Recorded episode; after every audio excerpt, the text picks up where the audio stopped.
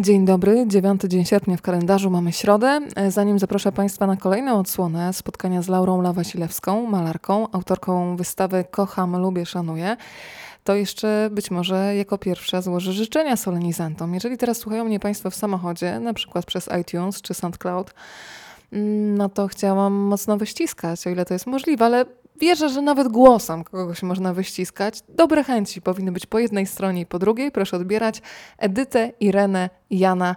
Ściskam też mocno Romana, Miłorada, Romualda, Ryszarda i Teresę. Wszystkiego pięknego, tego, czego najbardziej Państwu w tym momencie do życia potrzeba. A teraz już odsłona druga, spotkania z Laurą Lawa-Silewską. O jej pracę możecie pytać w warszawskiej galerii Quadrillion przy Mokotowskiej 50. 9. Mówiłyśmy już o tym, że dzięki wystawie Laury w jednym miejscu spotykają się tacy twórcy jak Andy Warhol, Tamara Łępicka, Frida Kahlo, Jacek Malczewski. E, Laura w pewnym sensie unicestwiła takie niszczące działanie czasu. Spotkanie ponad podziałami, unicestwiające czas. Rozmawiałyśmy już o konkretnych artystach. Dzisiaj między innymi wątek tego, co daje człowiekowi szkoła artystyczna? No i jeszcze jeden istotny wątek o tym, jakie pytania warto sobie codziennie zadawać, niezależnie od tego, z jaką branżą jesteśmy związani na co dzień. Zapraszam. Laura, powiedz, jak to jest, bo y, większość e, Twoich obrazów to są ceny, które na przykład przekraczają 10 tysięcy złotych, więc y, myślę sobie, że myślę o obrazach, bo rysunki można kupić na przykład powyżej 2000 złotych. Y, zazwyczaj kupują ludzie zamożni, ale nie tylko. Chciałam Cię zapytać, czy masz takie historie, kiedy na przykład przychodzi nazwę to tak, studencinę, który się zakochał w Twoich rysunkach i wiesz, że ktoś naprawdę odkłada sobie przez miesiące żeby mieć twój obraz. Ja pamiętam swoją pierwszą inwestycję w sztukę, to było 1300 zł wtedy mi się dawało, Boże, to dużo. Ale potem przyszłam i stwierdziłam, jak to? Ja mam taką frajdę z obrazu, na który patrzę, że y, tego się nie da przeliczyć tak właśnie konsumpcyjnie na, na inne rzeczy, że jest y, w tym początkowym ruchu taki moment zawahania, że czy warto inwestować. A potem człowiek się zaczyna zastanawiać, przecież to są godziny, które artysta spędza e, przy sztaludze. Mało tego, tam są prawdziwe ludzkie emocje e, schowane, więc zastanawiam się, czy masz takie historie ludzi, którzy się zakochali i naprawdę musieli włożyć sporo wysiłku, żeby twój rysunek, twoją pracę, twój obraz mieć w domu. Znaczy, mam historię ludzi, którzy niekoniecznie z tą wystawą, ale e, ludzi, którzy przez lata kolekcjonują moją twórczość i ich historie wyglądają tak, że zaczynali od reprodukcji prac, po czym jak zaczęli się bardziej interesować sztuką, stwierdzili, że to trochę tak taki obciach, że mają reprodukcję, a nie mają oryginalnych prac namalowanych przez artystę. Następnie gdzieś zaczęli zbierać prace e, artystów malarzy polskich, współczesnych. No i pod ten dach, pod tą strzechę, jak mówił Mickiewicz, no też ja y, gdzieś tam się znalazłam. Znalazła się moja pierwsza praca, a potem poszło. Po prostu niektórzy ludzie y, zakochali się. Zakochali się na tyle w mojej twórczości, nie dawało im to spokoju, że i oni chcą przebywać z moimi obrazami, że mm, musieli na przykład przemeblowywać mieszkanie albo dokonywać no, jakichś takich ruchów, y, no faktycznie inwestycyjnych, czyli odkładać to, nie wiem, z czegoś zrezygnować po to, żeby mieć obraz mojego autorstwa. No i mają, nie wiem, 10 obrazów moich, bądź y, tutaj nawet historia, anegdota związana z, z tą wystawą Teraz kocham, lubię, szanuję. Artysta na, y, najczęściej nie ma kontaktu z kolekcjonerami, dlatego że w tym momencie pośredniczy galeria. Jakby my możemy się gdzieś tam spotkać, ukłonić, porozmawiać, ale nie wchodzimy jakby w głębsze relacje gdzieś przyjaźni. To są czasem jakby wyjątki. Ale faktycznie miała miejsce taka sytuacja tutaj w galerii, że ja musiałam, po prostu przyszłam z jakichś względów, czy, czy coś odebrać, czy nawet porozmawiać, bo, bo tutaj nawet można powiedzieć chwilami kuczowałam y, w, w galerii i złe słowo kuczowałam, tak śmiesznie zabrzmiało, ale po prostu bywałam tutaj nawet po nocach, bo kończyłam obrazy przed wernisażem i wychodziłam o pierwszej, drugiej w nocy, bo jeszcze nakładałam werniksy albo mm, sprawdzaliśmy, czy wszystko tutaj wygląda tak jak, tak jak chcę, więc zaangażowani byli wszyscy i pracownicy galerii i, i ja. No i właśnie wracając do tego pana, zaangażowani też byli kolekcjonerzy, bo okazuje się, że przez dłuższego czasu po prostu pytali się, jaka będzie wystawa, no, że moich prac. Niektórzy znali moje wcześniejsze prace, które tutaj się sprzedały w, w galerii i byli ciekawi, co ja takiego e, dla nich mm, szykuję. Dla nich po, przede wszystkim jako odbiorców. No i przyjechał pan właśnie po odbiór prac i okazało się, że odbiera siedem prac. Okazało się, że ma pracę wspaniałych polskich artystów, ale co było że wspaniałe, no, że e, on powiedział, zaczął się tłumaczyć, że e, jedna z prac no, musiała być prezentem dla córki. Musiała być prezentem dla córki, a ona sobie nie wyobrażała, że stąd wyjdzie bez niczego. I to nie chodzi o posiadanie fizyczne, że to ma dużą wartość, tylko emocjonalną. Wszystko zamyka się w ostateczności, myślę, w emocjach. Nawet jeśli ktoś y, patrzy na to, żeby zakupić dzieło sztuki pod względem inwestycji, to też są emocje, bo jednak tego wyboru musi dokonać mm, on, a nie galeria. Galeria może podpowiedzieć, wie pan, mamy takie prace, takiego artysty, ale nikt nie może zagwarantować, jaka będzie za rok, za dwa lata, za ileś lat cena pracy artysty. Natomiast najważniejszą rzeczą są emocje. Jak ja Miałam przyjemność pytać wielu kuratorów sztuki na świecie e, przy dużych wystawach i pytałam się, czym się pan kieruje przy doborze prac? Sercem. Czym się pan kieruje przy doborze obrazów? Co pan chce mieć? Sercem, uczuciami, emocjami. To jest ważne. Tego, tego wyboru za nas nikt nie może dokonać. Ktoś może nam tylko wyłącznie podpowiedzieć. My możemy edukować społeczeństwo. To jest ważne ale dokonywać wyboru względem serca nie. To teraz, skoro mówimy o tym sercu, coś, co mi się kojarzy najbardziej tak pierwotnie z sercem, to jest dzieciństwo. Kiedy w ogóle człowiek się nie zastanawia, nie racjonalizuje, tylko robi dokładnie to, co czuje.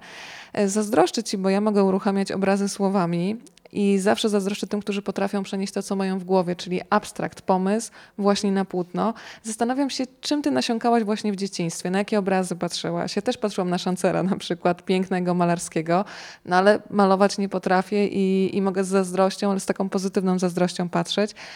Kiedy ty w ogóle stwierdziłaś, że, że potrafisz to zrobić? Przenieść pomysł, jakąś abstrakcję, przenieść na rysunek, przenieść na płótno i czym nasiąkałaś przez lata? Znaczy, wiesz co, mój sposób myślenia to tu wyjaśnić jakiś bardziej poddany rzeczywistości, ale to nie znaczy, że ja nie będę na przykład za ileś lat ewaluować w kierunku abstrakcji, którą prywatnie uwielbiam. Poza kilkoma pracami, to większość mam prac realistycznych e, kilku artystów, ale jakbym miała tworzyć kolekcję, byłyby to abstrakcje. Uwielbiam abstrakcje. Ale pytam jeszcze o te obrazy, wiesz, z dzieciństwa. Czy ty masz... Mhm. Ale dochodzę już do wniosku, do, do tego pytania twojego.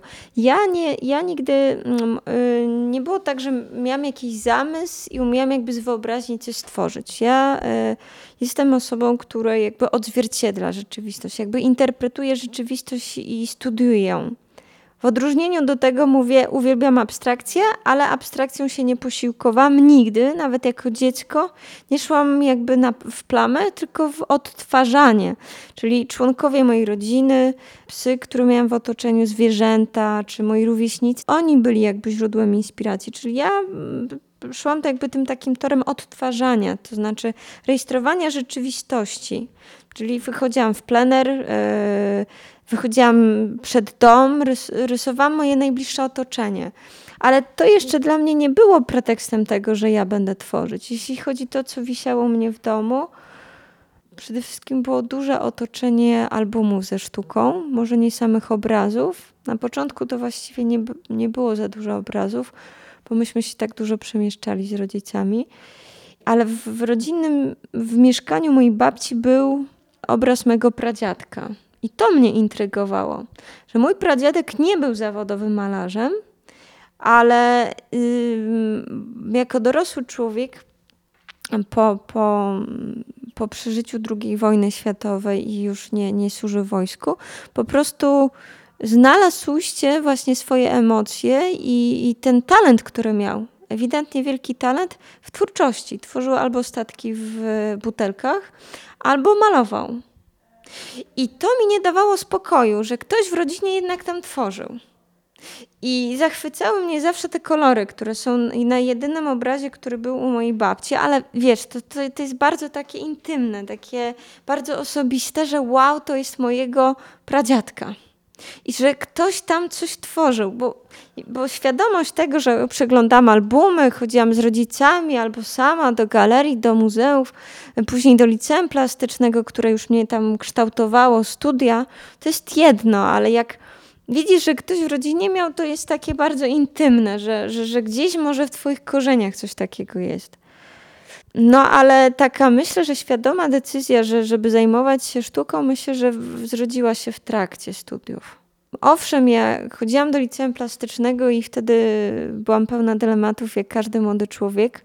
Pełen rozterek, bo w sumie powiedziałam, że nic innego nie sprawia mi takiej przyjemności jak tworzenie, jak malowanie, jak rysowanie, bo to zajmowało mi cały czas i mnie to fascynowało. Oprócz jakby własnej twórczości, gdzieś tam po prostu zwyczajnie do szuflady. Jeszcze mm, była fascynacja historią sztuki, więc ja, kiedy byłam mm, w liceum plastycznym, myślałam, że pójdę na konserwację zabytków albo pójdę na historię sztuki. Czyli było to blisko sztuk plastycznych, ale myślałam, że będę po prostu obok sztuki, ale nie, nie będę tworzyć własnej twórczości. Natomiast y, w momencie, w którym poszłam na studia, zobaczyłam, że wymaga to wielkich nakładów pracy, pracy ze sobą i ciągłego zadawania sobie pytania, kim jestem, kim jestem i co chcę robić, kim jestem i co chcę robić. To pytanie pojawiało się codziennie.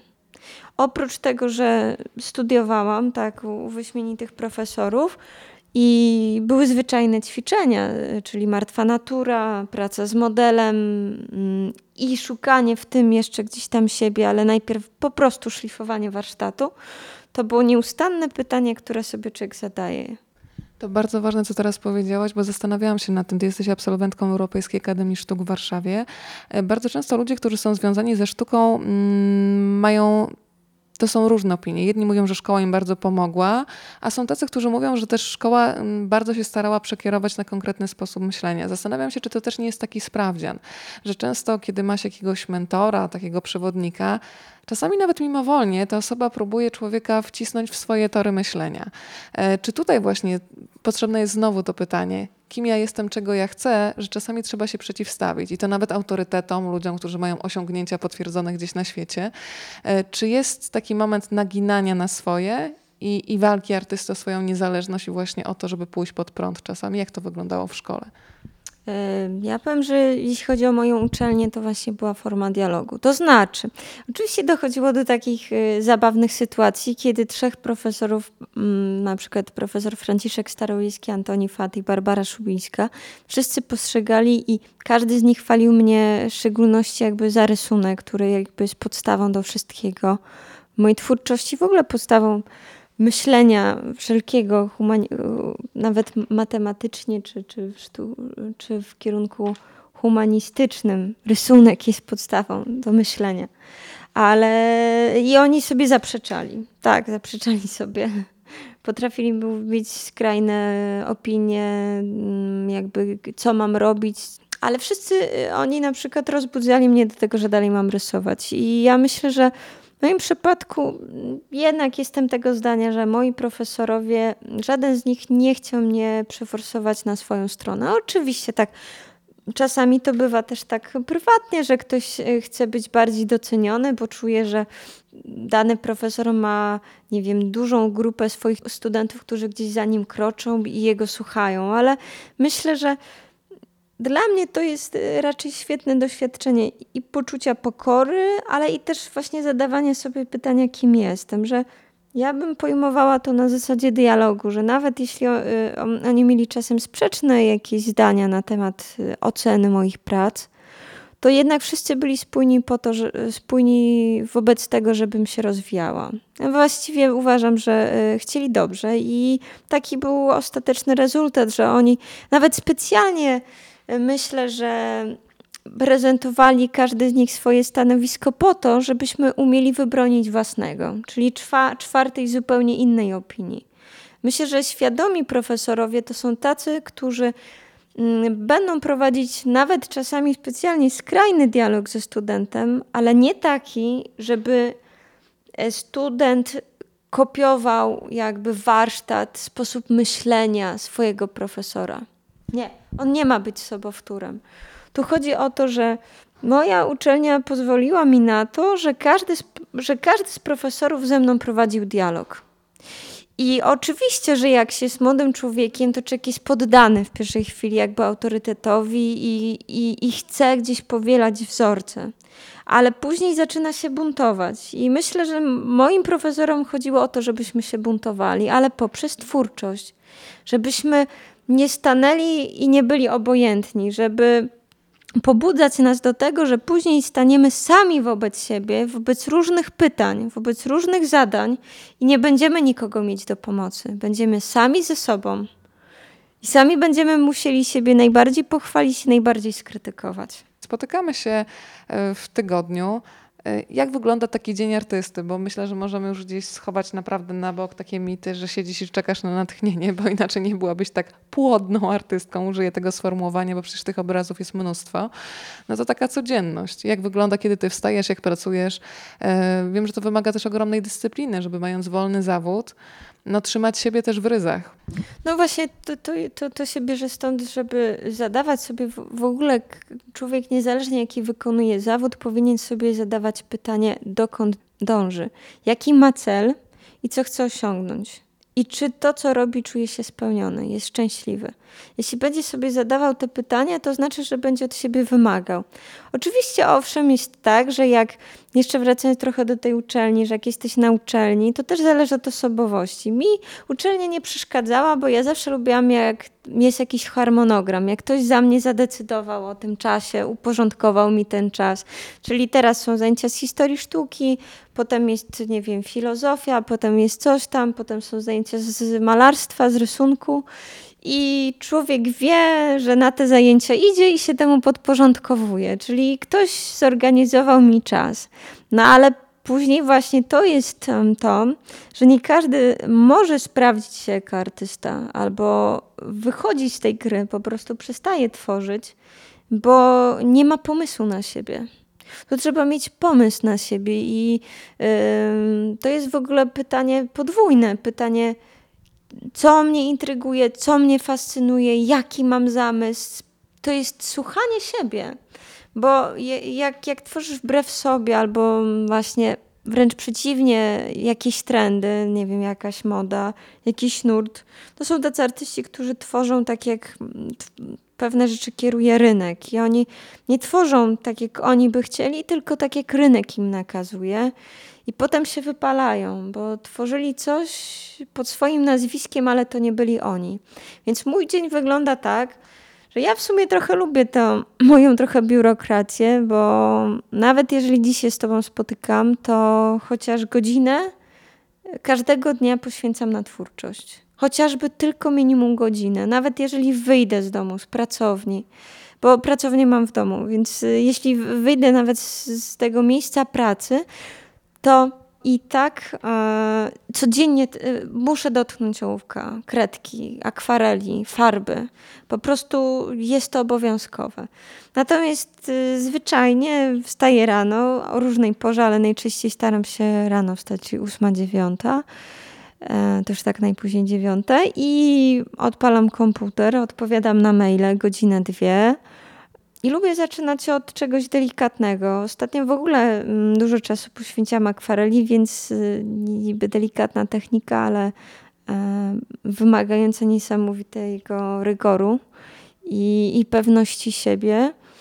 Więc ja nie mogę teraz wyjść z pracowni, tak mnie to fascynuje, ale nawet jeśli biorę się za duży obraz, to rozmalowuję się przez kilka dni, czyli tworzę mniejsze formy tworzę 4-5 godzin, czasem jak mnie coś pochłonie tak w pełni, że zafascynuje, jest to tak ważne, jak jakbyś, nie wiem, chciała pisać wiersz i dojść do ideału, że, nie wiem, wykreślasz ileś kartek, wyrzucasz te kartki, to, to ja po prostu nazywam to procesem, że ileś dni poświęcam na malowanie mniejszych form, żeby się rozmalować, ale ja w tym czasie i tak myślę na przykład o dużym obrazie.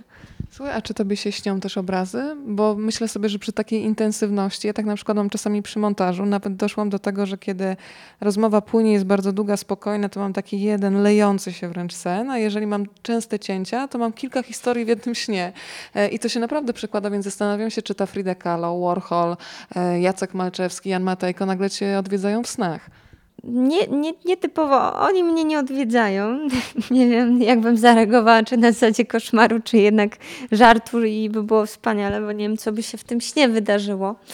Nie, nie odwiedzają mnie, zabrzmiało zabawnie, ale nie, nie, absolutnie mnie nie odwiedzają, natomiast kolory.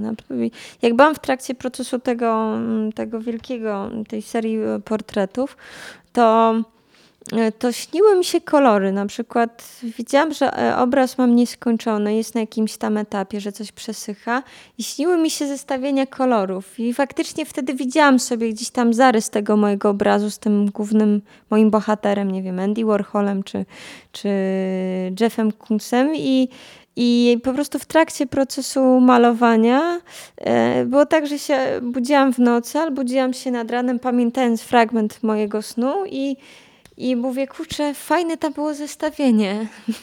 Kapitalne zestawienie. Czy ono się sprawdzi, jak ja przeniosę to na rzeczywistość? Przypomniałeś mi jeden mój sen fotograficzny. Śniło mi się, nie wiem, to była chyba Kuba, na której nigdy nie byłam. Śniła mi się kobieta, ja do dzisiaj pamiętam kolor farby. Stała oparta tyłem, piękne, grube włosy, niska, taka bardziej korpulent, korpulentna. Ja do tej pory to pamiętam. Stała oparta o drzwi, zielona farba, taka odłażąca od drewna. I w tym moim śnie, ja się tylko zastanawiałam, zdążę ten kadr, będę go mieć czy nie, bo było piękne światło. Zrobiłam, budzę się z takim mam, mam i nagle aha, no mam, ale we śnie. Więc y, takie sny też się zdarzają. Powiedz, a czy zdarza ci się tęsknić? Tęsknić albo mieć taki moment y, autentycznego rozdarcia, kiedy się okazuje, że obraz, który jest ci bardzo bliski, który na przykład już się trochę zasiedział u ciebie w domu, zanim poszedł w czyjeś ręce, y, no, że nie chcesz go oddać gdzieś dalej. Nie, powiem szczerze, nie, bo traktuję tak, że do momentu, kiedy E, żyję z obrazami w pracowni i one sobie tam stoją na sztaludze, czy wiszą na ścianach, albo są oparte, zależy jak dużo jest tych prac, no to ja sobie z nimi żyję, ale y, kiedy podpisuję obraz, mam świadomość, że są jak takie y, nastoletnie dzieci, że jakby już dojrzały i właściwie jest czas, że, y, że one powinny wyjść z domu, że, że w każdym momencie mogą powiedzieć wychodzę. I ja się na to godzę. Myślę, że, że, że przeżywam ponownie emocje. Chyba to chciałaś mi tak podwójnie w tym pytaniu zapytać, czy, czy są emocje związane z tym, że one mnie opuszczają. Tak, ja myślę, że przeżywam obrazy chyba, ale troszeczkę już w, in, w innej relacji, kiedy ktoś mi opowiada o swoich pracach, kiedy, kiedy one właśnie żyją w czyimś domu albo kiedy ludzie je odbierają to jestem wzruszona, że to, co było tak dla mnie trochę egoistycznie ważne, czyli ja przecież tworzę najpierw dla siebie, tak myślę, że powinno być, że najpierw artysta powinien tworzyć jednak dla siebie. To znaczy, to znaczy powinien być w tym autentyczny. Jakby Wiesz, yy, czytamy ostatnio taki mem Marty Frey, że ile jest ludzi, tyle jest opinii, że nie powinniśmy się przejmować tymi opiniami. Mi się to tak podoba. Tak, tam było, że nie mogę słuchać wszystkich. Nie mogę słuchać wszystkich, tak każdy coś chciałby, tak? Każdy coś chciałby od, od powiedzmy artysty, bo nagle staje się albo osobą publiczną, albo jest przez galerię kontakt, a pani może namalować to, pani może namalować tak. Można, bo to jest jakby wyzwanie. W sensie kreatywnym tak, bo popatrząc patrząc na sztukę europejską chociażby, to przez lata mieliśmy mecenas albo państwowy, albo kościelny. I właściwie wszystko, co podziwiamy w muzeach, wynika z zamówienia. Więc tak, jak ktoś przyjdzie do galerii i powie, że chce portret taki taki, dla mnie to każda praca, każda rzecz jest wyzwaniem. Ja to uwielbiam. Natomiast chcę powiedzieć, że jeśli jest czasem bardzo taki autorski zamysł yy, wynikający z fascynacji, to ja nie mogę tu w tym momencie słuchać wszystkich dookoła, tylko muszę przede wszystkim słuchać siebie.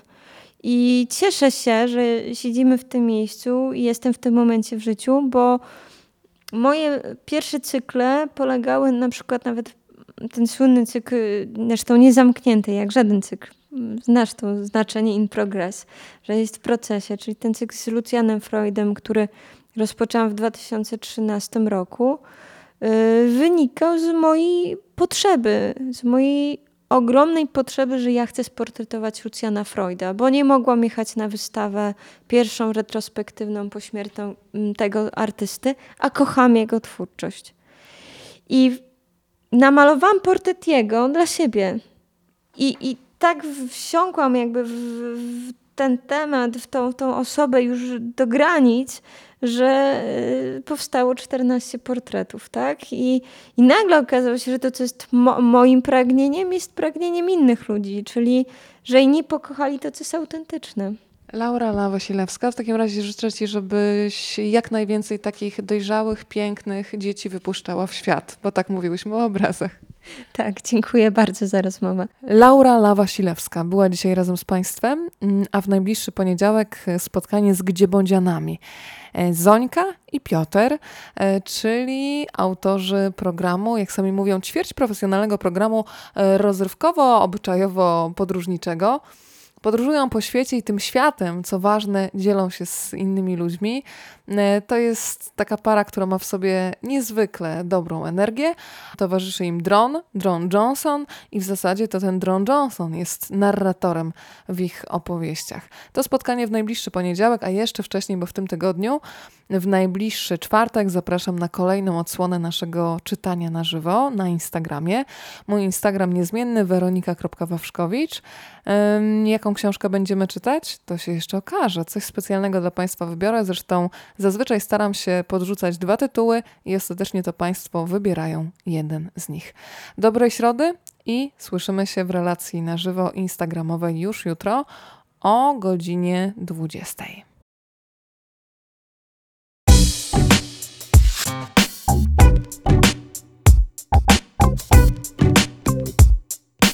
Thank